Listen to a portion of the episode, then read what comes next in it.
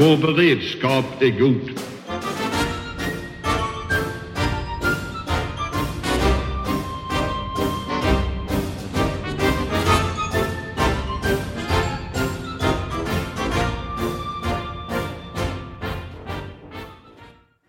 Hej och välkomna till Höjd beredskap, en podd från Aftonbladet Ledare. Idag om utvecklingen i Belarus. Ja, då sitter jag här med Gudrun Persson eh, på, ja, på telefon naturligtvis som allt annat idag. Eh, Gudrun är forskningsledare för Ryssland på Totalförsvarets forskningsinstitut och har ju varit med här i, i podden tidigare. Välkommen! Tack så mycket! Och vi ser ju hela tiden nu på nyheterna. Det är ju så att man går in på nyhetssidorna och ser vad har hänt i Belarus? Vad är liksom det senaste?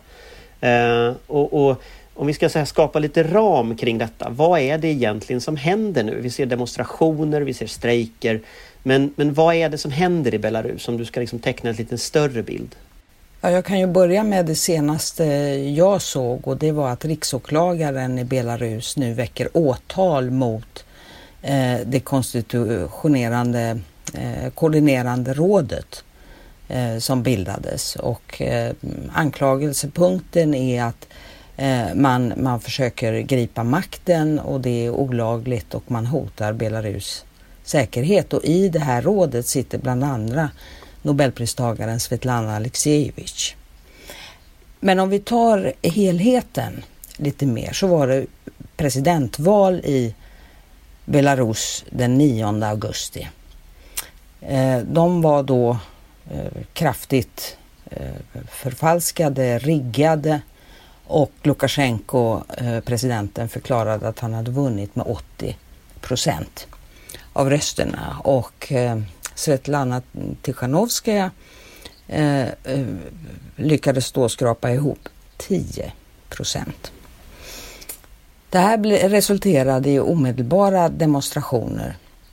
Inte bara i Minsk utan på andra ställen också. De här demonstrationerna slogs ner extremt hårt. Nästan 7000 greps, eh, misshandlades svårt. Det var otroliga bilder på eh, väldigt brutal misshandel. Eh, demonstrationerna som var, var fredliga, glädjefyllda. Det var som att rädslan i hela Belarus hade försvunnit. Det var rätt fascinerande att se, men det var två bilder. Brutalitet å ena sidan och sen den här glädjen. Eh, det, det förde tankarna till Baltikum 88-89, den sjungande revolutionen på något sätt. Ehm, men det som sen ändrade spelplanen, det var massstrejkerna. När Lukasjenkos tidigare kärnväljare på, på eh, bilfabriker, traktorfabriker, som ju för övrigt också är rätt viktiga för, det ryska, eh, för den ryska försvarsindustrin. För här tillverkas de fordon som transporterar bland annat eh, Iskander-robotar. Eh, och det skedde i torsdags förra veckan. Eh, att man la ner arbetet och allt ifrån kulturarbetare till, till eh, lantarbetare kan man säga. Och det här skapade väldigt stor oro och samtidigt växte i helgen var det stora eh, fredliga demonstrationer och vad, vad, vad man kräver det är stoppa våldet. Den här otroliga brutaliteten hade nått sin gräns. Folk var otroligt upprörda. Stoppa det och eh, eh, stoppa valfusket och nu har Lukasjenko gått för långt. Va? Lukasjenko måste bort. Sen dess har, har uh, utvecklingen går ju väldigt fort här. Sen, och, mm. och, och sen just nu är vi i ett läge då eh, demonstrationen har i och för sig fortsatt men oppositionen har då sagt att eh, man ska ligga lite lågt här nu onsdag, torsdag, fredag, lördag för att sen kraftsamla till en stor manifestation för eh, för, för sin sak på söndag. Under tiden har helt uppenbart en del rysk eh, hjälp börjat anlända. Eh, inte minst inom eh, vad ska man säga, media och sättet att hantera eh, demonstrationer. Eh, Lukasjenko eh, gjorde ju i början på veckan, på, i måndags, ett, ett förödande framträdande på en av de här eh, fabrikerna i Minsk. Där han, dit, dit han dessutom flög med helikopter. Oh, jag ska säga också att dessförinnan på söndagen framträdde han på Självständighetstorget i Minsk inför då ditbussade eh, stöd, eh, till stöd för, för honom. Uh, och, de, och, och, där var han inte heller särskilt bra. Han pratade för länge, han verkade arg och irriterad och sa saker som att ja, det är inte mitt fel att, eh, att ni är här och att jag var tvungen att kalla in er och jag gillar ju inte demonstrationer egentligen. Och på måndagen var det ett förödande för Lukasjenko framträdande på den här fabriken när han då han måste ha varit väldigt dåligt förberedd av sina medarbetare, tänker jag. För att de här, han kanske trodde att han kom och talade till sina kärnväljare och skulle få stöd, men istället blev han utbuad. Eh, hur, hur illa ute är han egentligen? Ja, då såg det ut som att han var eh, rätt illa ute. Sen dess har han återsamlat sig och eh, eh, Eh, och börjat ta till hårdare metoder. Och det är ju det här där med riksåklagaren, åtalet.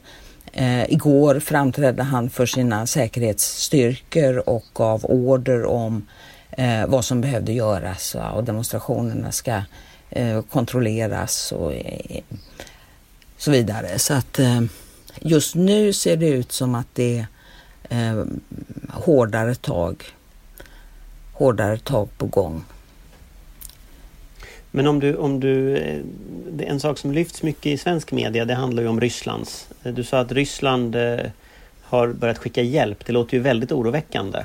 Ehm, vad, vad handlar det så att säga om i förlängningen? Vad är det för hjälp Ryssland kommer att skicka till Lukasjenko? Hur långt är man beredd att gå?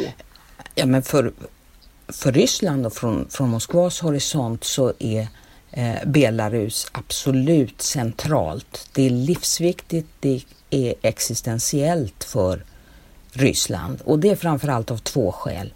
Det ena är militärstrategiskt. Det är ju det här territoriet i väster där traditionellt sett, historiskt sett, eh, eh, de som vill invadera Ryssland, det är där de kommer inrullande.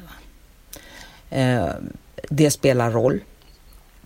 Det finns också en eh, rysk, det finns flera ryska militärinstallationer redan i, i Belarus men, men eh, en handlar om tidig varning för missilangrepp eh, och så.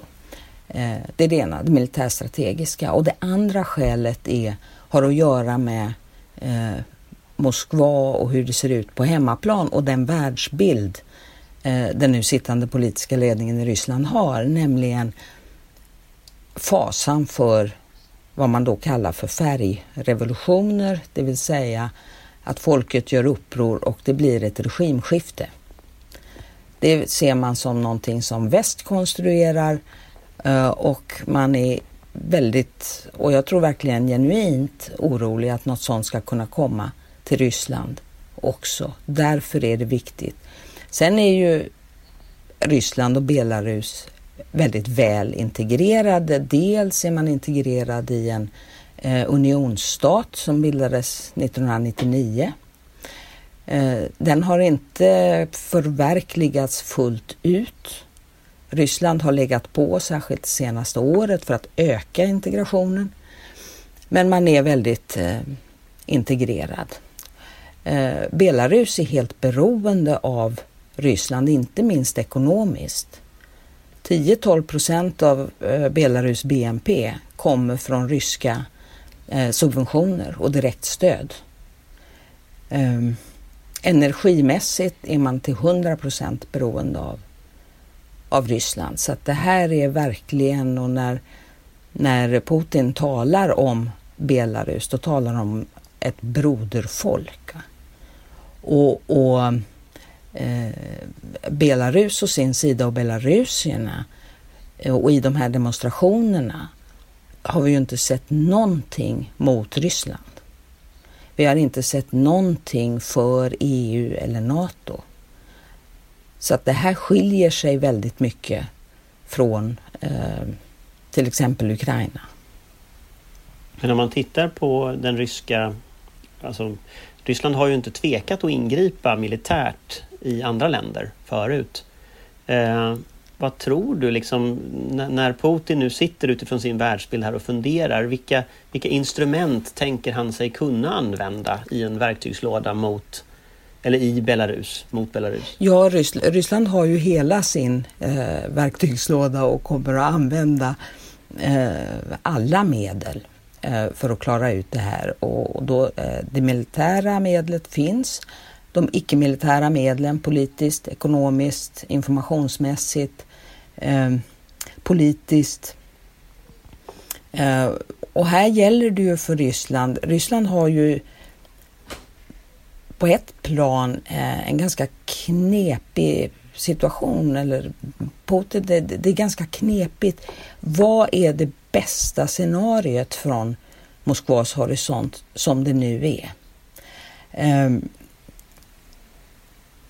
Lukasjenko som person och Putin, de är inte de bästa vänner.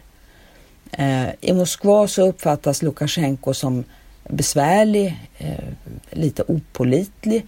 Samtidigt, man känner honom. Man vet vad man har, man vet inte vad man får.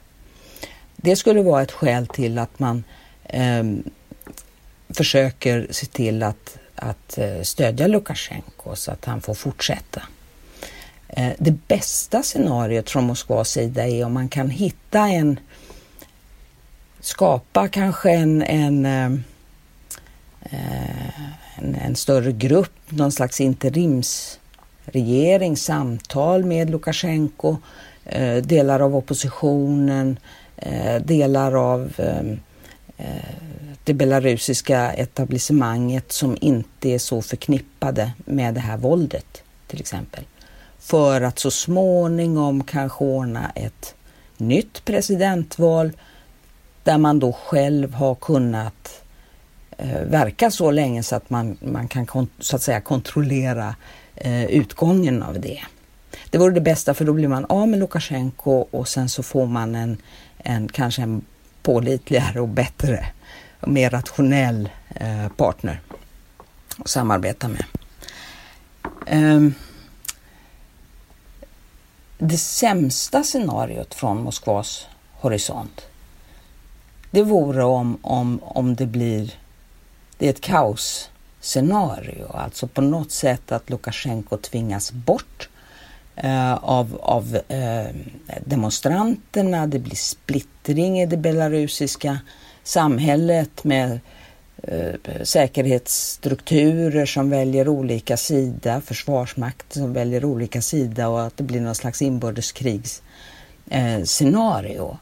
Eh, då måste Ryssland gripa in och det är i det läget som det militära instrumentet kan, kan komma till. Men det har ju...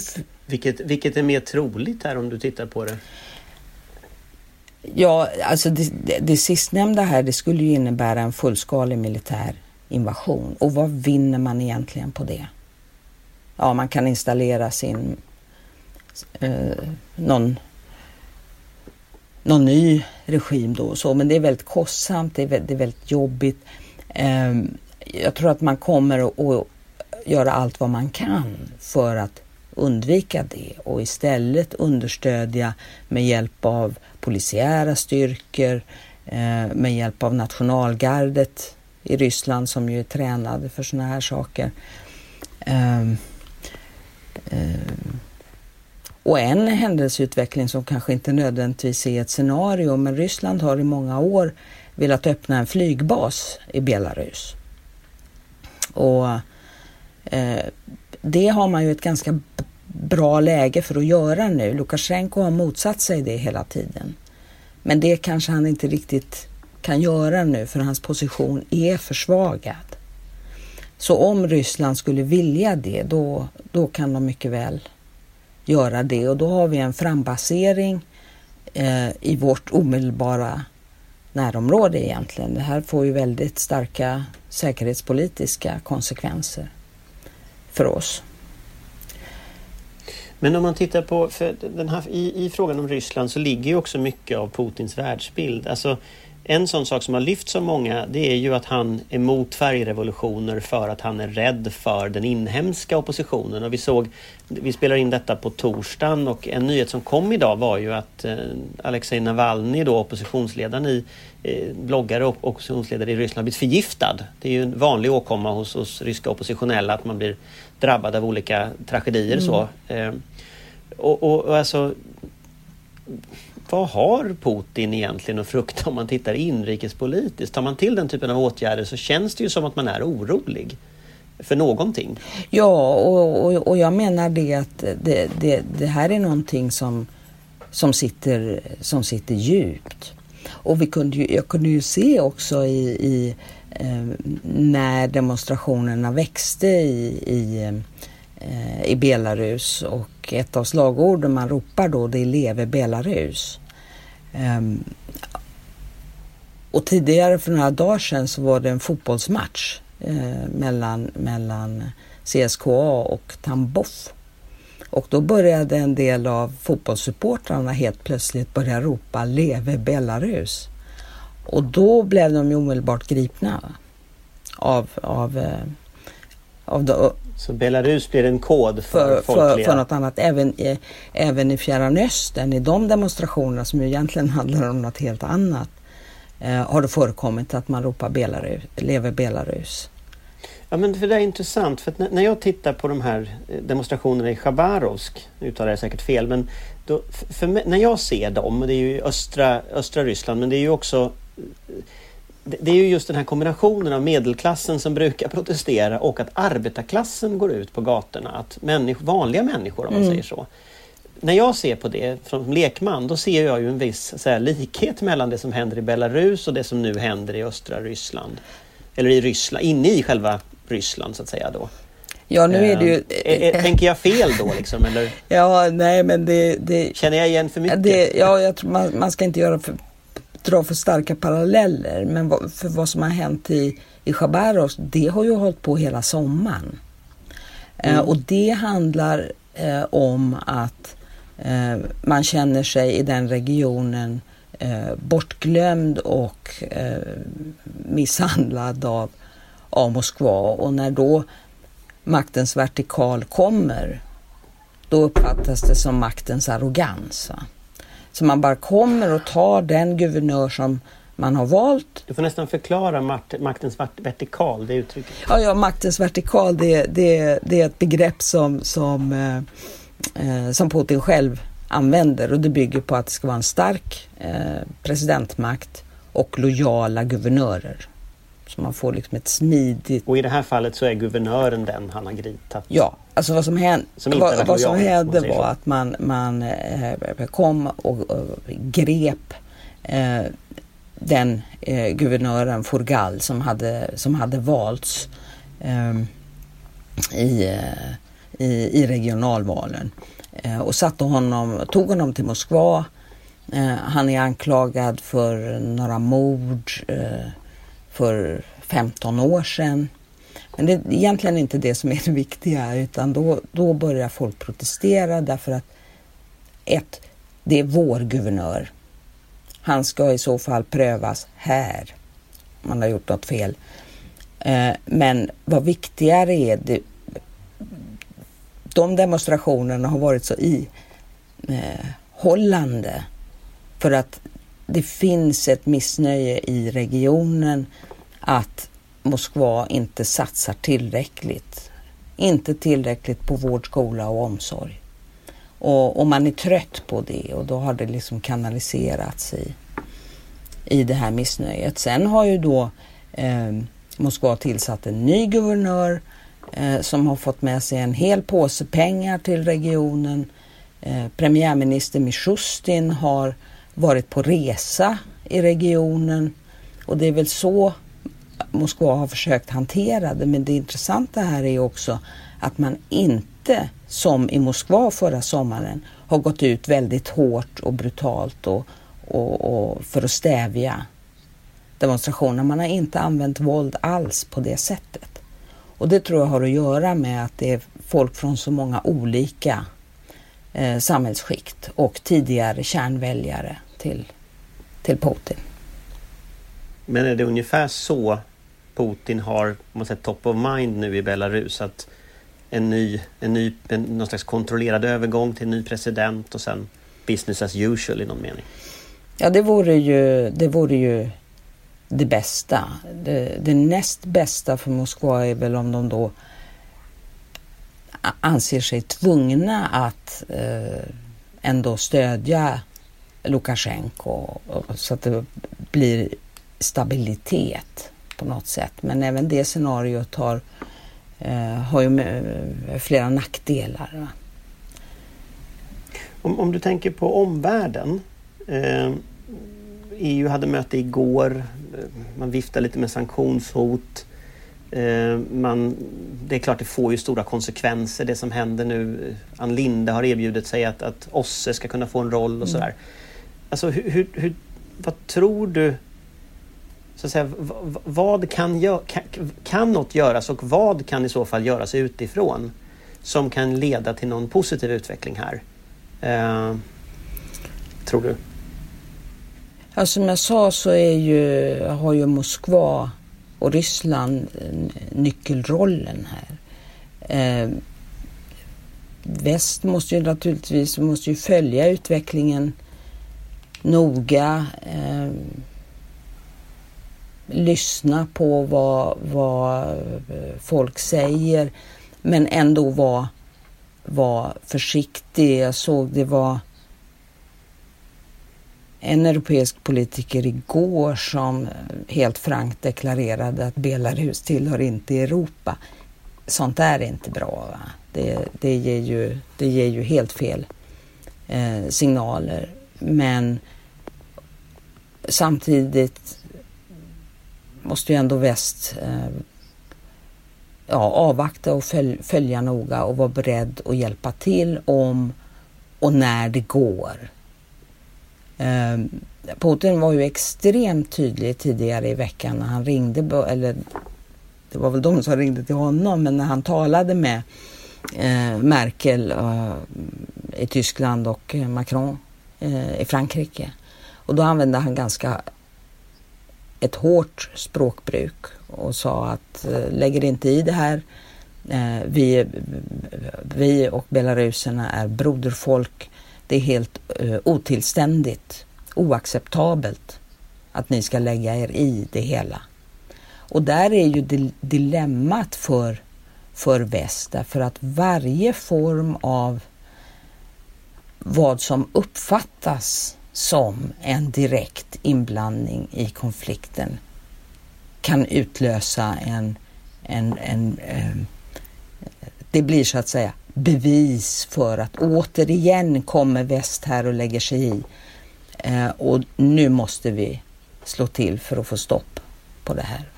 Så Men är inte det ett jätteproblem? För historiskt har vi ju lärt oss just att appeasement inte fungerar särskilt bra. Putin bara fortsätter ju. Hans aptit växer ju när ingen sätter stopp. Så att säga. Är inte det dilemmat verkligen...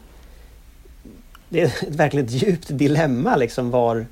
Hur ska väst agera här? Ja, men det här är ju en, en, eh, en belarusisk eh, man, manifestation för den belarusiska eh, staten, nationen.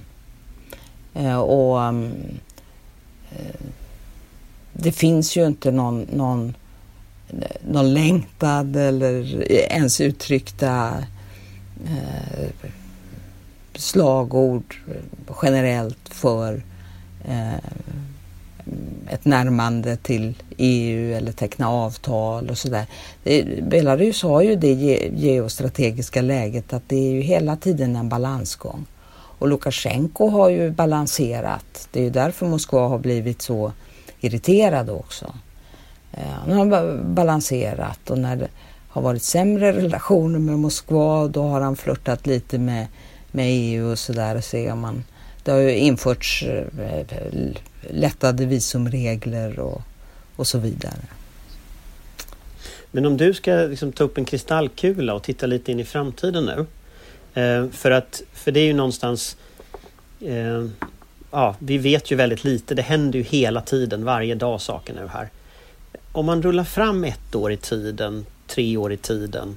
Kommer Lukasjenko att sitta kvar? Kommer Vitryssland, eh, förlåt mig, Belarus, eh, jag sitter fortfarande kvar och kan inte hålla riktigt rätt ord här. Eh, Belarus, kommer det att utvecklas till liksom mer av öppenhet och, och, och, och transparens och sådär? Eller, eller kommer det att gå tillbaka? Eh, så, så här, vad, vad, skulle du liksom gissa om, om, om utvecklingen? Eh. Det är ju möjligt att, eh, att Lukasjenko rider ut stormen om vi talar i det korta perspektivet. Talar vi om ett lite längre perspektiv så, eh, så, så eh, då måste han ju gå. Eh, och, och, och då kanske det blir en, en politisk ledning i Belarus som faktiskt är mer acceptabel för belaruserna. Framför allt. De är ju uppenbart väldigt trötta på Lukasjenko. Han har suttit i 26 år.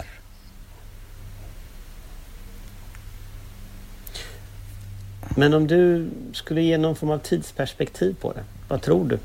Du sa att på söndag kommer det nya demonstrationer. Hur lång tid, liksom, när du säger kort och lång sikt, vad är kort och vad är långt i det här fallet? Jag ska bara säga innan jag glömmer bort det att eh, ett, ett scenario är ju då om, om Lukasjenko blir kvar som någon slags parallell till Maduro i, i Venezuela som, som ju ändå är, är kvar. Men med, med kort sikt menar jag alltifrån en vecka till till ett år. Och problemet med att, att eh, göra några tvärsäkra eh, spådomar i det här läget är att den här utvecklingen som ju började efter 9 augusti, låt vara att vi förväntade oss att det skulle bli eh, oroligheter och att det var ett, ett väldigt intressant eh, val då att se hur mycket eh, Lukasjenko skulle eh, skulle fuska sig till så att säga. Eh, men från den 9 augusti till idag den 20 augusti så har det ju gått med en så enorm hastighet att det, det, det är nästan svårt att ta in ibland. Men när du säger Maduro, tror du det finns någon risk att vi får liksom en, en alltså den varianten, att han bara sitter kvar år ut och år in och att man varje år tänker att nästa år avgår han. Alltså finns, finns, den, finns den risken rejält när det gäller Lukasjenko? Eller, alltså från, eller, från Moskvas horisont så skulle ju den lösningen ha fördelen eh, om man då kan få någorlunda eh, lugn och ro i, eh, i Belarus. Då är det en, en sån här muddle through, att man, eh, det bara fortsätter. Och det skulle vara acceptabelt därför att Framförallt för att man återigen, Lukasjenko är det minst dåliga alternativet som man kan se just då. Eh, eh, det skulle ha fördelen att eh, det inte kommer några signaler om att gatans parlament fungerar utan det här transitionen ska ske enligt en kontrollerad, styrd process. Samtidigt så är Men... ju Lukasjenkos förtroende i, i Moskva i botten så att Ryssland vill, vill säkert gärna bli av med honom och få någon, eh, någon bättre kandidat naturligtvis. Men inte till vilket pris som helst.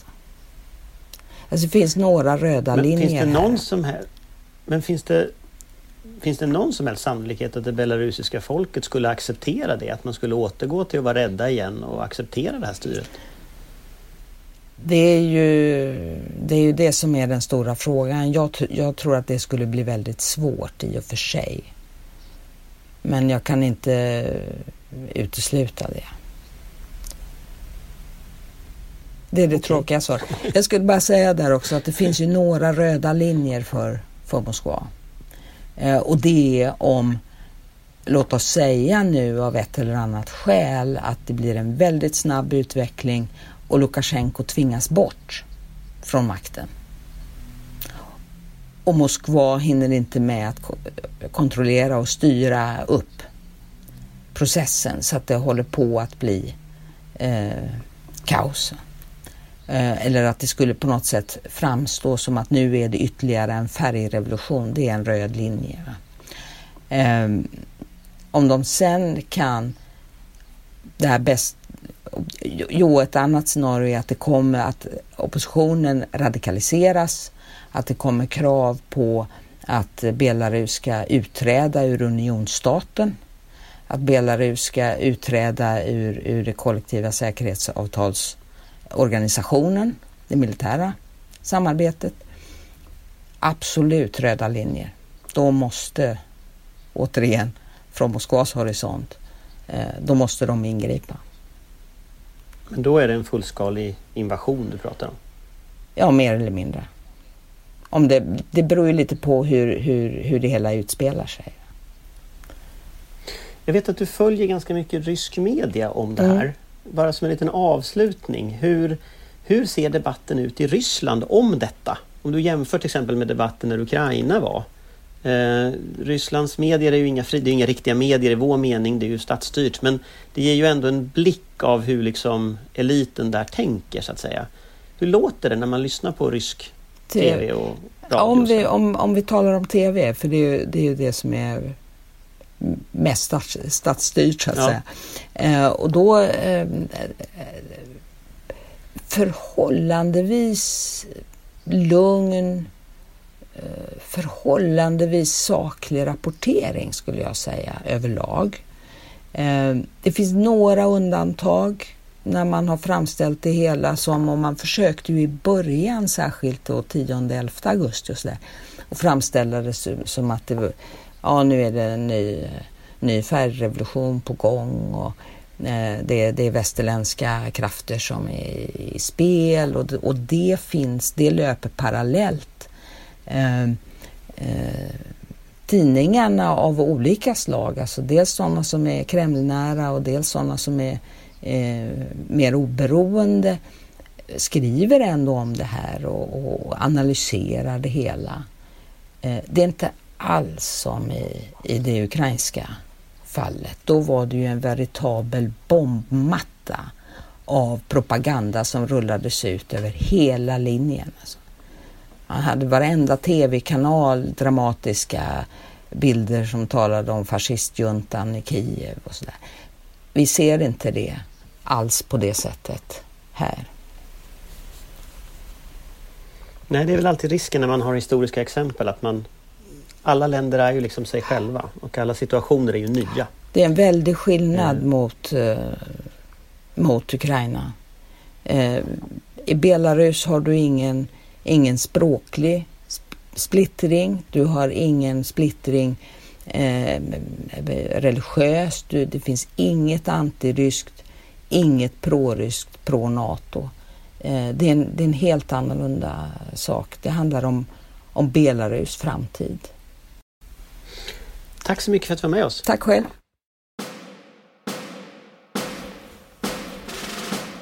Vår beredskap är god. Ja, då, då sitter vi här med, med eh, eh, tre av oss som brukar hålla i podden med. Och det är jag, eh, Anders Lindberg, och det är Amanda Wollstad. Patrik Oksanen från Tankesmedjan Frivärd. Ja, och vi har då en gäst med oss här som är eh, Gustav Göthberg, eh, moderat eh, från Göteborg och eh, som faktiskt befann sig i Minsk under själva val, valdagen och dagarna innan och dagarna efter. Eh, välkommen! Tack så hemskt mycket! Vad var det du upplevde när du var där?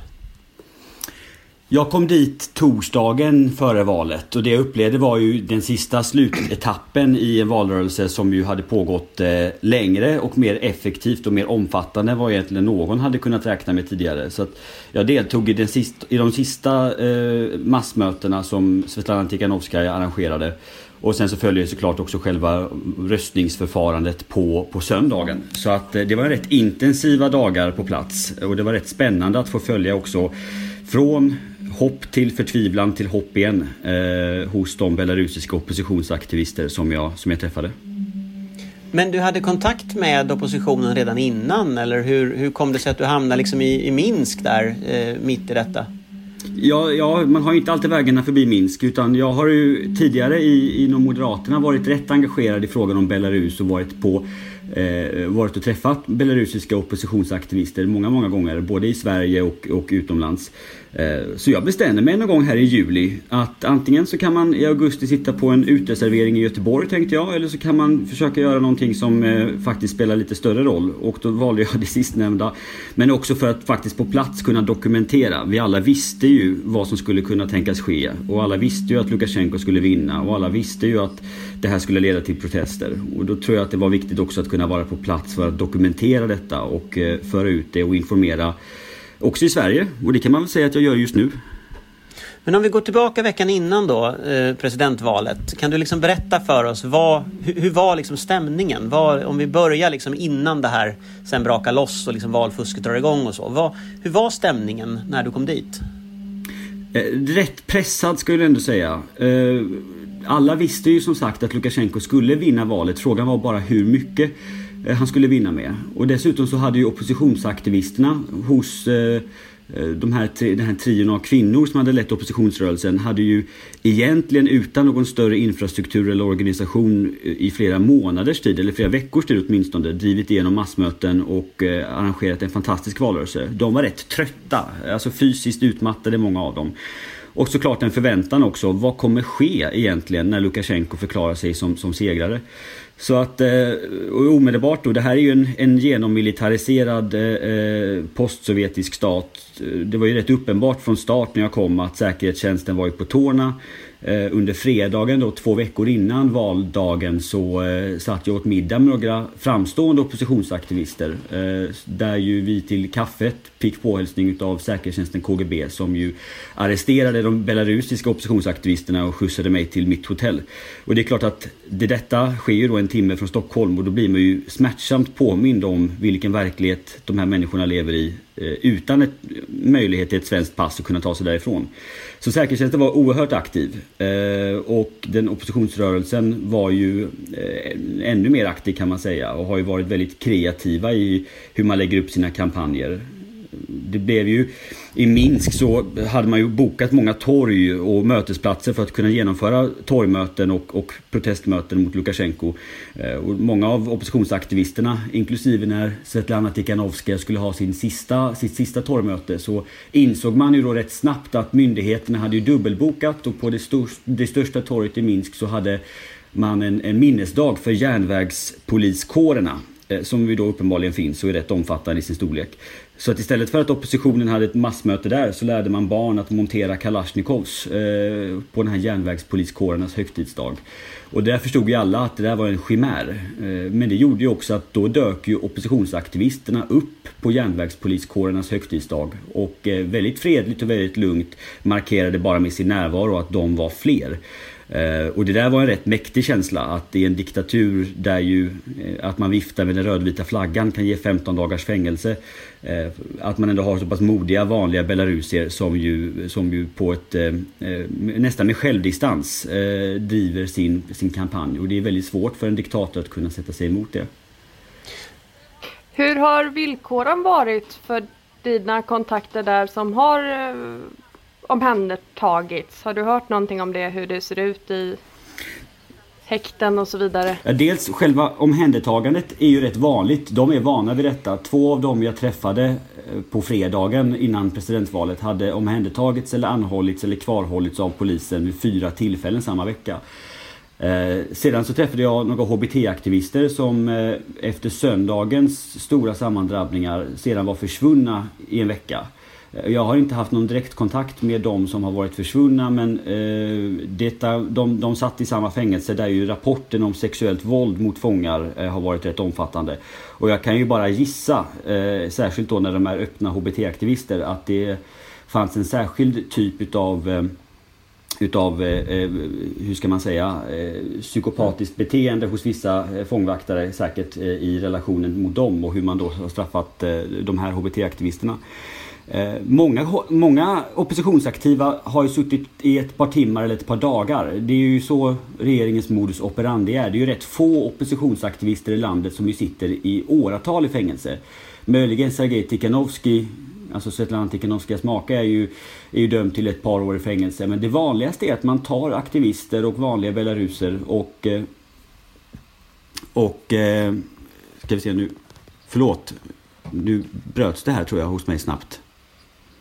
Ja men du är tillbaka, tillbaka vad bra. så det är lugnt. Att det vanligaste man gör med, med oppositionsaktivister är att man inte tar dem i, i ett par år utan att man tar dem i ett par dagar. Och det är vanligt att man burar in dem i två dagar och så släpper man dem i en dag. Sen så tar man dem i tre dagar till.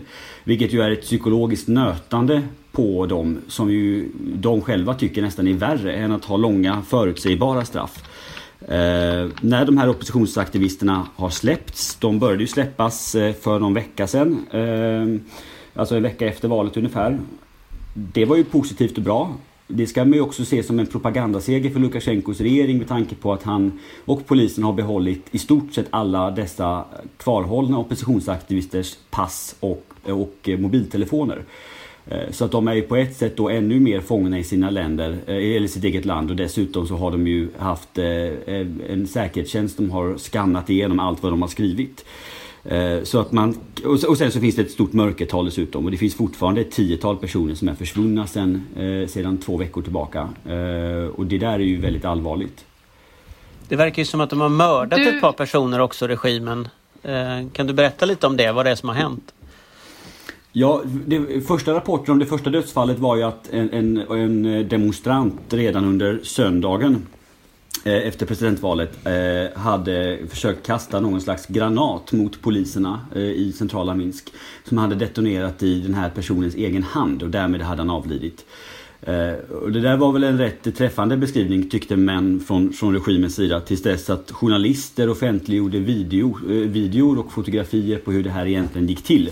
Och där man ju ser att han, han skjuts utav en, en polisman i centrala Minsk. Och vi har ett par andra fall också där ju Eh, de helt plötsligt har eh, avlidit. Eller vi hade eh, rapporter från Brest i en annan stad än, i, Belarus där två stycken aktivister sägs ha fått akuta slaganfall under det att de har demonstrerat mot poliserna.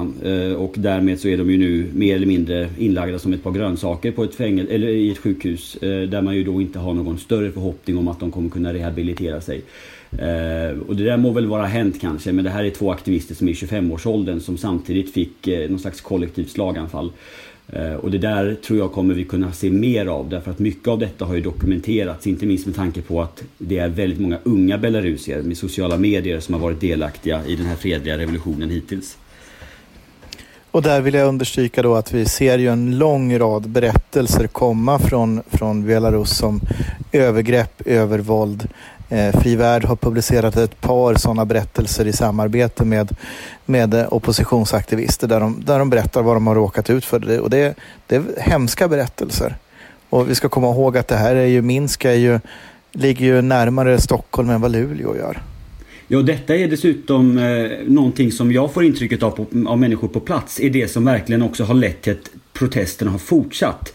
Eh, Lukasjenko har ju som många diktatorer använt våld mot sin befolkning men det här är ju ett övervåld han har brukat vilket ju han själv och hans rådgivare antagligen trodde skulle kuva demonstranterna men som istället har fått dem att bli tokiga eh, på honom och istället då har ju gått man ur huse mangrant i hela landet. Så hans, hans nypåkomna bruk av övervåld Eh, han har ju använt mycket av så att säga, psykiskt våld tidigare mot sin egen befolkning. Psykologiskt våld och propaganda. Men nu är det ju, nu är det ju eh, fysiskt våld och rena övergrepp mot sin egen befolkning. Och det är det som många gör bedömningen också har lett till att eh, protesterna nu är så omfattande. Eh, och det tror jag att man förhoppningsvis kan eh, att det är en energi hos oppositionsrörelsen som man förhoppningsvis kan, kan använda. Eh, dessutom ska vi komma ihåg att oppositionsrörelsen själv och när vi tittar på demonstrationerna i, runt om i Belarus så har det ju varit ovanligt fredligt om man får säga så från just oppositionsrörelsen. Eh, till och med rapporter om att man har placerat ut så att säga bråkstakar från regimens sida som inom oppositionsrörelsen ska inleda våldsamheter för att provocera fram våld har inte varit särskilt lyckosamt heller. Eh, då kan man ju å andra sidan säga att eh, det finns kanske också en frustration just nu hos många oppositionsaktiva, inte minst unga människor som nu har varit ute på gator och torg i flera dagar och demonstrerat fredligt. Och visst, det finns ju en positiv utveckling i vissa aspekter i hur omvärlden har reagerat och EU har sanktioner och annat. Men man märker ju inte riktigt en förändring på plats på gator och torg och detta har skapat en frustration som ju om vi har riktigt mycket otur kan leda till att eh, sträckan till, för, för, vissa oppositionsaktiva eller för vissa vanliga belarusier att själva börja använda våld kan bli kortare. När frustrationen över att inget sker eh, växer. Så att det där måste man nog bevaka men det är eh, rätt intressant och framförallt unikt att vi har just nu en, en pågående fredlig revolution där ju, där ju verkligen det har varit eh, fredligt från oppositionsrörelsens sida och att de inte har lyckats eller låtit sig provoceras fram till, till handgripligheter mot ordningsmakten. Det som slår också tycker jag som ju också har följt Belarus utveckling i ganska många år, precis som jag tror de flesta med intresse i de här frågorna. Det är ju hur breda demonstrationerna är den här gången. Att det ju inte bara är de unga, urbana, välutbildade utan det här Lukasjenkos framträdande på den här traktors stridsvagnsfabriken där, där helt vanliga fabriksarbetare som ju brukar vara man valde ju den här platsen för att man trodde att de skulle visa honom stöd och till och med de börjar demonstrera och protestera och har, har röstat på oppositionen. Eh, det är en otrolig bredd i demonstrationerna den här gången i protesterna. Ja verkligen och, och tittar man på just oppositionsrörelsen tidigare under sommaren så var det ju eh, Sergej Tikhanovskij som var den stora eh, oppositionella presidentkandidaten och han lyckades ju buras in snabbt innan han, av Lukasjenko innan han hade möjlighet att kandidera. Eh, han är ju en, en rätt framstående politisk kommentator, aktiv i sociala medier och är ohyggligt populär ute på landsbygden. Uh, och det där är ju någonting som, som, som du säger Amanda, är rätt ovanligt. För det brukar vara unga, så att säga progressiva, urbana uh, personer som ju driver fram någon slags utveckling i de här länderna. Men Eh, Svetlana Tikhanovskaja har ju dragit tiotusentals människor också i de sydöstra delarna av landet till sina protestmöten eh, och sina massmöten och sina valmöten eh, under, under sommaren. Och det där är rätt fascinerande att hon har lyckats bilda en sån folklig verkligen förankring. Möjligen också för att hon själv inte har tagit någon slags politisk ställning ska man komma ihåg. Det är ju lätt att enas kring henne. Hon har ju stöd allt från kommunistparti, ett av kommunistpartierna i landet stödjer henne fram till, Eh, eller bortåt så att säga, mot partier som ju är anslutna eller affilierade med ECR-partigruppen i, i Europa. Så att det, hela det politiska spektrat står ju bakom henne. Mest för att hennes vallöften är ju två rätt enkla att sluta sig bakom om man är eh, politiskt aktiv i landet. Och det är ju att genomföra ett nytt val och släppa politiska fångar. Eh, och det är ju en appell som verkligen har då eh, lyckats skära sig igenom alla samhällslager på ett unikt sätt. Och eh, det har ju också skapat den här styrkan i proteströrelserna som du är inne på. Som gör det rätt svårt att kuva. Det är inte bara så att man kan stänga av infarterna till Minsk och tro att man kan kväva demonstrationerna. För de, de sker i, i ord och handling över hela landet.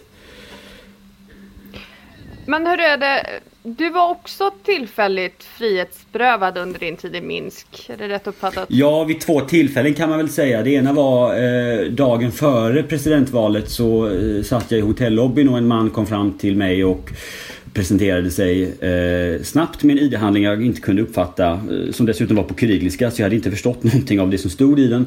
Men han var från någon slags migrationskontor. Eh, han eh, visste mycket väl vem jag var. Han visste till och med vad jag hette i mellannamn. Vilket han då trodde var mitt förnamn. Eh, och det var ju så han avslöjade sig. Och han förklarade att jag inte fick lämna hotellet fram till dagen efter. Det vill säga söndag förmiddag. Klockan var 21.30. Jag hade inte tänkt att göra det i vilket, i vilket fall. Men det var sedan en polisbil placerad utanför Eh, och det här var ju då någonting som kommunicerades till de flesta västerlänningar på hotellet. Eh, det var rätt tomt hotellet och eh, de enda framstående gästerna förutom jag var några libyska krigsskadade ungdomar som var i landet och en, som, en person som var vice partiledare för det katalanska kommunistpartiet som var inbjuden av Lukasjenko att vara på plats. och sen så var det jag. Så att de hade nog rätt bra koll på oss. Ehm, det andra var under söndagen när jag då hade kunnat komma ut från hotellet och begav mig till en vallokal för att då dokumentera de enorma köerna som var till vallokalerna. Eh, Svetlana Tikhanovskaja hade ju verkligen vädjat till sina väljare att gå och rösta på valdagen Rösta inte i förtidsröstningen därför att då är det lättare för Lukasjenko att förfalska era röster. Och det var ju hundratals eh, meter långa köer eh, runt omkring eh, i, i, eh, i Minsk. Och jag ställde mig tillsammans med några belaruser och dokumenterade detta vilket snabbt visade sig vara störande av allmän ordning. Och eh, det kom fram en eh, polis och eh, talade med mig och eh, eh, jag tror att det var störande av allmän ordning på det som jag tror var engelska som han kommunicerade till mig. Och sen så tog han då omedelbart min telefon och tog bort bilderna. Och sedan fördes jag till eh, Eh, man ska inte säga, man ska inte säga häkte eller, eller, eller eh, polisstation men det var alltså en myndighetslokal bredvid vallokalen. Eh, där jag placerades på en plaststol. Jag kan säga att alltså det var inrett ungefär som Tänk er ett väntrum till en kommunal vårdcentral på 70-talet. Det var liksom inte särskilt farligt att sitta där. Jag fick till och med kaffe. Men jag märkte också att de belarusiska vännerna jag var där med Eh, släpptes ju inte som jag efter tre timmar. Jag släpptes ungefär efter tre timmar. Eh, de satt kvar, fick sitta kvar över natten. Eh, och jag fick dessutom då böter eh, från, från polisen för störande av allmän ordning. Och det där var rätt intressant därför att det här var ju då under söndagen, valdagen. Internet i landet var ju nedstängt sedan lunchtid. Och jag gick inte runt och bar kontanter på mig. Så det var rätt svårt för mig att kunna lösa ut den här boten eh, på plats när jag hade, när jag hade tagits av polisen. Eh, det var rätt smidigt i den här, i den här genomförstatligade eh, eh, byråkratin de har så att säga, eller väldigt byråkratiska staten, att de la helt enkelt min bot på min hotellnota. Så att den drogs från mitt kort här för ett, någon vecka efter jag kom hem igen och la det då på mitt hotell. Rätt effektivt får man ändå säga, men också tämligen bisarrt att, att man kan förfara på det sättet.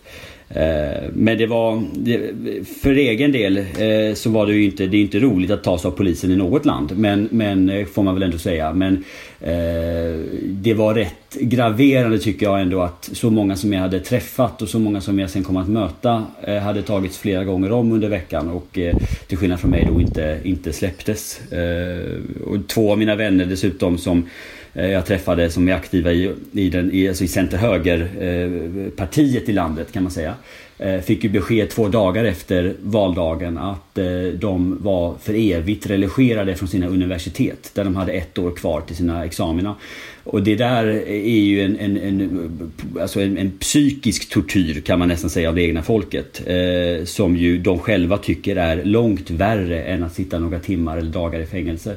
Eh, så där har väl åtminstone Lukasjenko lyckats med något i att kuva, sin, kuva sitt folk. Uh, ja, nej, men vad jag höll på att säga att uh, Gustav, du är ju första ersättare till Europaparlamentet för Moderaterna. Ja, någon ska vara och, det. Uh, och du är aktiv i kommunalpolitiken i Göteborg och har varit aktiv i Moderata ungdomsförbundet. Eh, du var ju inte där i någon officiell kapacitet, men de har ju tvivelsutan koll på vem du är. Vi har ju tidigare sett vid tidigare val när de har kvarhållit eh, bland annat dina partikollegor. Kristoffer Fjellner släpptes väl överhuvudtaget inte in i landet när han satt i Europaparlamentet. Och det var ett par moderata riksdagsledamöter, bland annat Christian Holm tror jag, ja. som också kvarhölls.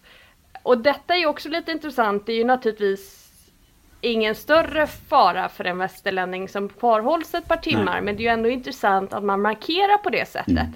För i många andra odemokratiska länder är man ju ändå försiktig med att röra politiker, officiella representanter från andra länder. Men Vitryssland har inte riktigt den spärren. Nej, och de, de lyckas ändå hålla sig på en nivå där det inte blir farligt kan man säga. Alltså att sitta i två, tre timmar. Ja, eh, hade, hade jag kört bil i något land och kört lite för fort i officiell kapacitet så hade, jag, hade väl polisen där kunnat motivera också med att eh, prata med mig i någon timme så att säga. Eh, men de lyckas ju hela tiden i ett, i ett par timmar, eh, störande av allmän ordning, eh, markera sin närvaro. För egen del, jag var ju där som du säger i, i privat kapacitet eh, och eh, jag eh, representerade inte på något sätt Moderaterna där. Sen så råkar jag vara moderat eh, under dygnets alla timmar. Eh, men eh, det som var intressant var att de hade uppenbarligen koll på vem jag var med tanke på att jag när jag kom fram till flygplatsen i Minsk blev ombokad till ett nytt hotell. Eh, fick ett mail från eh, där jag hade bokat hotellet att det hotellet jag hade bokat var stängt på grund av pandemin. Eh, när jag sen gick förbi hotellet senare under kvällen så var det definitivt inte stängt på grund av någon pandemi. Men jag var ombokad till det här andra hotellet Eh, och det gjorde ju att jag reagerade lite. Vid ett tillfälle också, eh, och det här är väl rätt vanligt eh, när man reser i de här typen av länder men eh, icke desto mindre är det ju inte särskilt trevligt för det. Men jag var ute från hotellrummet i ett par minuter och när jag kommer tillbaka så har de hängt upp en, så, så är en skjorta upphängd som inte var upphängd på en galge. Och det där är ju ett sätt för någon eh, att markera att de har koll på mig och eh, säkerligen vill eh, markera och kanske psyka lite. Eh, men det där får man väl bara acceptera. Eh, just med vetskapen om att man har ett europeiskt pass och ett svenskt pass och kan ta sig därifrån. Och när jag berättar det här för de belarusiska vännerna så berättar de att det finns så många andra historier om hur man försöker förvilla internationella gäster. Eh, genom att exempelvis lägga en massa tomglas eh, på toaletten eh, över natten när ingen har sett det. Eller när gästen i hotellrummet då inte, inte märker det. Så att gäst, eh, gästen på hotellrummet börjar fundera på varför det ligger massa tomglas eh, i badrummet. Och det finns massa sådana saker för att kunna markera sin närvaro. Men de lyckas ändå hålla sig under någon slags gräns eh, i detta. Och eh, jag vet ju att utrikesministern har ju, alltså den svenska utrikesministern har ju markerat rätt tydligt också mot den här typen av förföljelser mot oppositionsaktiva. Eh, och den belarusiska ambassadören i Stockholm blev ju tämligen snabbt uppkallad också efter valdagen. Så att eh, omvärlden ser ju också detta. Eh, och det är väl en katt och råttalek utifrån det perspektivet. Det, det, det, ja. Eh, det, det, du beskriver där Gustav, det är ju det som man med lite eufemistiskt kallar för visitkortslämning. Det vill säga då att, att säkerhetstjänsten upprätthåller en, en psykologisk press på dig genom att visa att man har access in i din privata sfär eh, och går och gör olika typer av lämningar. Mm. Eh, och det där är ju ett mönster som, som finns kvar sedan Sovjettiden och Ryska federationen använder sig av det också. Eh, och KGB som har kvar namnet KGB från just KGB så är ju det där också ytterst levande. Och det där är ju en form av, av psykologisk defragmentering av, av verkligheten av de måltavlor som man har då. Så att det, det, det är ganska, det finns en, en, en avancerad psykologisk teori bakom varför man gör på det där sättet. Vi kan tycka att det är lite löjligt och lite pinsamt och gud vad barnsligt av dem att hålla på så. Men, men det, är, det, är, det finns psykologiska studier bakom de, de här metoderna. Jag tänkte att man ska bredda bilden lite grann till liksom den säkerhetspolitiska omgivningen. För det här är ju väldigt, precis som vi säger, det här är ju en strategi som man använder. Eh, men, men på ett större plan, om man säger så, så, så är ju det här förtrycket liksom någonting som Gudrun Persson beskrev det ju väldigt tydligt som någonting som liksom genomsyrar hela samhället. Att det här är, det är ju en total stat på något sätt och hon verkade ju ändå ganska dyster när det gäller liksom utvecklingen. Var, var tar det här vägen? Finns det en möjlighet nu till någon form av förändring eller är det här ett läge som kommer att fortsätta? Liksom? Och det, liksom, givet dina erfarenheter av det här Alltså, hennes bild var väl på något sätt, om jag tolkar det rätt, som att det fanns ett, liksom ett negativt scenario och ett positivt scenario. Det negativa var liksom ganska illa med, med kaos och sådana saker också som kunde inträffa. Men det fanns också liksom en möjlighet här. Eh, vad tror du liksom?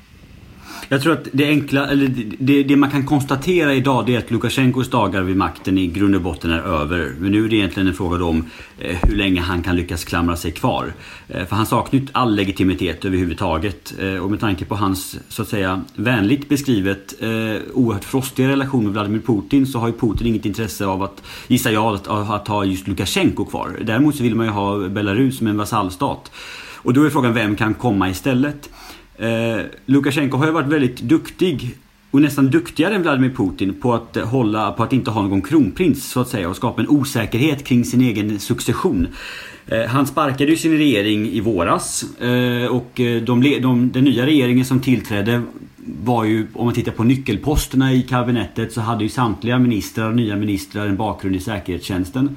Eh, hans, en av hans söner är ju hans säkerhetsrådgivare och ansvarig för säkerhetstjänsten i landet. Men i övrigt så finns det liksom ingen som kan ta över riktigt. Eh, och, och vi ser ju också att att eh, det, är, det är svårt för honom att kunna, att kunna liksom hitta, hitta ett, ett både internt stöd och sen så är han ju dessutom ohyggligt ensam som ledare. Eh, det går knappt att hitta någon stat i världen som uttrycker sig positivt om honom förutom möjligen Folkrepubliken Kina som vars president skickar ett väldigt vackert och fint formulerat eh, gratulationstelegram till honom. Ehm, så att, att Lukasjenko är, är väck kan man väl så att säga konstatera. Ehm, men frågan är då vad som kommer efter. Jag befarar, om man ska vara en dysterkvist, eh, att vi kommer se betydande förskjutningar inom, inom oppositionen så att säga. Den är ju rätt splittrad. De enas kring att de inte tycker om Lukasjenko. Ehm, den består av allt ifrån kommunister Eh, som är väldigt ryssvänliga till eh, ja, eh, europeiskt sinnade nyliberaler om man ska säga, alltså, dra hela spektrat. Och frågan nu är ju när man börjar formera olika oppositionsrörelser inom de här vad som egentligen händer. För att vi har ju Svetlana Tikhanovskaja på plats i Litauen. Hon har ju gått i ofrivillig exil men gör ju nu anspråk på någonting hon inte gjorde för ett par veckor sedan och det är ju att fortsätta leda oppositionsrörelsen. Svetlana Tikhanovskaja sa under valrörelsen att hon inte egentligen ville vara president men kandiderade som president för att kunna eh, ha ett nytt val där hon inte skulle kandidera till president. Nu så gör hon ju anspråk på att vara Belarus ledare samtidigt som vi har det här eh, transform, alltså rådet som vi har sammankallats i Belarus med olika intellektuella som ju ska leda dialoger med regeringen säger de för att kunna, kunna få en fredlig eh, eh makt, eh, ett fredligt maktskifte. Där har ju den förra kulturministern Pavel eh, Latushko tagit verkligen kliv framåt och utnämner sig själv till någon slags oppositionsledare. Och Nobelpristagaren Svetlana Aleksijevitj drar väl enligt någon kommentator jag såg här tidigare förmiddags ser väl sig själv som sitt lands Vaclav Havel möjligen eh, i att kunna kanske ta fram och visa någon slags ledarskap. Och där har vi väl en risk eh, så att säga. Eh, å andra sidan om det är ett gott tecken att man har skilda uppfattningar även i den här typen av frågor. Det är väl bara bra med demokrati så att säga.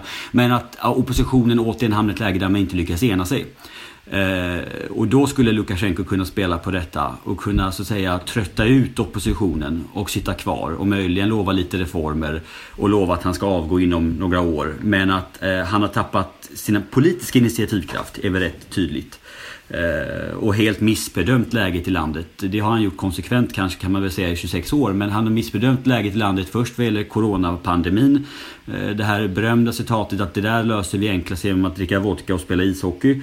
Eh, och sen så har han ju missbedömt kraften i, i proteströrelsen och i oppositionsrörelsen under hela sommaren. Och sen så har han ju också då missbedömt kraften i proteströrelsen efter eh, och sin egen eh, bruk av övervåld. Eh, och då är frågan egentligen, eftersom han uppenbarligen saknar kontakt med verkligheten, hur han då själv ser på sin egen situation. Och det där vet ju ingen levande varelse förutom just han själv. Jag tycker när man tittar på den här situationen och tittar på de olika aktörerna så är min analys här att samtliga sitter på med dåliga kort. Eh, för tittar vi på Lukasjenko så har ju han bara dåliga kort. Han, han har tappat ansiktet, han har blivit förnedrad genom att han blev utbuad. Eh, folket eh, accepterar inte hans valfusk. Eh, och han har liksom bara en som som, som en livlina och det är en kille som han inte gillar och, och, och den killen gillar inte honom och då syftar jag ju på Putin. Eh, så, och, och, och, som en diktator som har fallit så har man liksom inte så mycket mycket mer kvar att göra än att försöka hoppas på att man kommer levande i, i, i exil och kan, kan leva på pengarna man har rövat ungefär. Eh, så han har dåliga kort. Men vi ska komma ihåg att Putin har ju inte heller de bästa korten i det här. Putin är ju inte så, så förtjust i en situation då en folklig resning på gator och torg då tar och skälper en president som har faktiskt vunnit ett presidentval. Och då säger jag det inom citationstecken. Eh, alltså att, att folket går emot den officiella eh, ordningen. Eh, och, och, Kreml är rädd för färgrevolutioner, folkliga resningar som vi har sett i Georgien och i Ukraina. Eh, samtidigt så kan man inte gå in militärt, eh, i alla fall inte innan det har blivit kaos. Ehm, eh, eller, eller om den här proteströrelsen då skulle orientera sig västerut som, som man gjorde i Ukraina. Så att Putin har ju då bara Lukasjenko att försöka hålla honom kvar vid makten och sen hitta ett sätt att fasa ut honom mot en annan ledare och hoppas på att eh, man kan trötta ut oppositionen. Så det är inte heller sådär jättelysande kort. Eh, och EU sitter ju också med usla kort. Därför att mm, det finns inte så mycket mer man kan göra än att säga ajabaja, eh, eh, ni är dumma, eh, ni får inte åka till oss och vi beslagtar era tillgångar. Och sen under täcket till Putin säga nu går du för tusan inte in med militär för då blir det mer sanktioner. Eh, och att, att på något annat sätt kliva in och försöka stödja eh, oppositionen i att då få ett rättmätigt val ses ju då som en aggressiv inblandning och så utlöser man de, de värre scenarierna. Så att alla aktörer, ja, och så ska jag tillägga då, oppositionen då som du nämner är splittrad, men om vi, även om den skulle vara enhetlig så skulle man kunna konstatera att de sitter på dåliga kort. Därför att så länge Lukasjenko har makten över, över säkerhetsstyrkorna och armén och polisen eh, och vägrar flytta sig eh, och dessutom är uppbackad av Putin och om man då gör det här för våldsamt så är man rädd att Ryssland går in och, och då helt enkelt tar över. Eh, så att alla sitter i den här soppan med dåliga kort. Vilket gör att det här kan bli ganska långvarigt. Amanda, det... vad tänker du om det? Jo, men det är nog, nog så. Jag, jag håller ju med om analysen att, att Lukasjenko är borta och gott så. Men det är ju en väldigt långt steg därifrån till att få till en fungerande demokrati och där ser det väl kanske mörkare ut. Och osäkerheten kommer ju kvarstå, eh, vilket förvärrar säkerhetsläget i hela Europa i sig. Vi har ju tidigare sett nu, har, nämnde Gudrun Persson det, att, att man ser ju inte så mycket pro-europeiskt eller pro-NATO bland demonstranterna och, och, och oppositionen är ju en väldigt samlad grupp, allt från som sagt kommunister till eh, någon slags alt-right och allting däremellan. Eh, men det är ju naturligtvis en stor oro för Ryssland att, att Vitryssland ska närma sig väst och eh, de presidentkandidater som har ställt upp har ju i stor utsträckning varit eh, för en sådan utveckling. Och vi har ju sett tidigare vad Ryssland gärna gör för att hindra en sån utveckling. Eh, så risken här är väl också, inte för en ockupation som Ukraina på något sätt, men ändå att man fastnar i någon slags frusen konflikt, frusen läge för att hindra Vitrysslands utveckling i positiv eh, riktning. Gustav? Det där är det absolut farligaste ju, alltså långsiktigt för landet och även för den geopolitiska stabiliteten. Alltså man hamnar i en frusen konflikt att Lukasjenko möjligen lyckas klamra sig kvar vid makten oerhört försvagad och, och eh, oerhört ännu mer beroende av både subventioner från Ryssland och det ekonomiska utbytet. Vladimir Putin har ju tidigare signalerat tidigare att han kan mycket väl tänka sig att stödja eh, Lukasjenko och, och hans mål är att behålla stabiliteten. Han själv har ju sagt tidigare som vi vet att han inte bara är Rysslands president utan alla ryssars president vilket innebär att han kan ju gå in och försöka stödja den ryskspråkiga minoriteten ifall han upplever eller hittar på att de känner sig hotade. Eh, men han har hela tiden sagt att, eh, och signalerat snarare, jag tror att det är svårt att hitta citat på det, men han har ju signalerat att detta kommer med en kostnad. Och han har ju försökt utöva påtryckningar mot Lukasjenko tidigare om att eh, de ska uppgå i den här nya unionsstaten med varandra. Eh, vilket ju Lukasjenko absolut inte vill för då blir han ju eh, en, en, guvernör i, en, i någon oblast under, under Vladimir Putin vilket ju skulle kringskära hans möjligheter så att säga att ha makt. Eh, jag tror att det, är, alltså det, och det intressanta tror jag de senaste dagarnas utveckling är att även Svetlana Tikhanovskaja har varit väldigt tydlig och gått ut i, i pressmeddelanden och sagt att ingen främmande makt, inklusive Ryssland, ska lägga sig i den belarusiska inrikespolitiken.